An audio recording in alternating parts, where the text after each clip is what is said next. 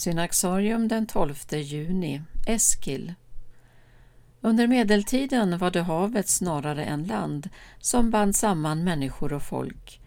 Ett välbyggt skepp med skickliga sjömän kunde färdas snabbt långa sträckor medan oländiga skogar utgjorde nästintill ogenomträngliga hinder. Därför kom missionen till våra trakter i hög grad västerifrån, sjövägen ifrån England.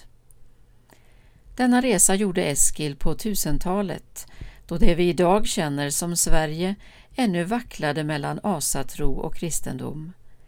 Det enda vi vet om hans bakgrund är att han var en munk från England. Han kom hit tillsammans med Sankt Sigfrid som vigde honom till biskop över den delen som kallas Nordanskog. Eskil predikade huvudsakligen i nuvarande Södermanland och genom hans verksamhet fick kristendomen starkare fäste i trakten. Han stöddes av den kristne kungen Inge den äldre men snart fördrevs han av den hedniske kungen Blotsven. Nu återinfördes den gamla fornnordiska religionen med dess traditioner. När en stor offerfest skulle anordnas vid Strängnäs vandrade Eskil dit för att varna folket. Han höll en straffpredikan där han fördömde deras handlande och bad Gud om ett tecken.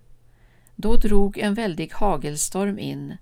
Stormen förstörde offeraltarna men Eskil stod oskadd mitt i ovädret.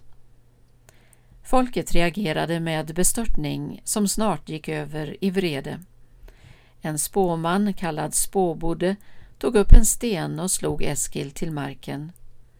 Då kastade sig flera över munken och misshandlade honom. Därefter släpades han till Blodsvän som dömde honom till döden genom stening. Avrättningen ska ha skett där Strängnäs domkyrka idag ligger.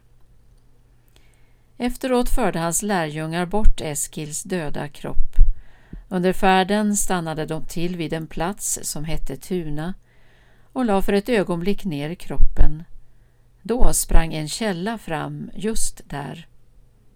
Man beslöt att begrava Eskil på platsen och senare byggdes även en kyrka över hans grav.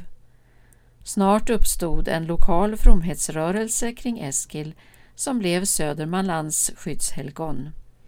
När Tuna fick stadsrättigheter la man till namnet på det lokala helgonet.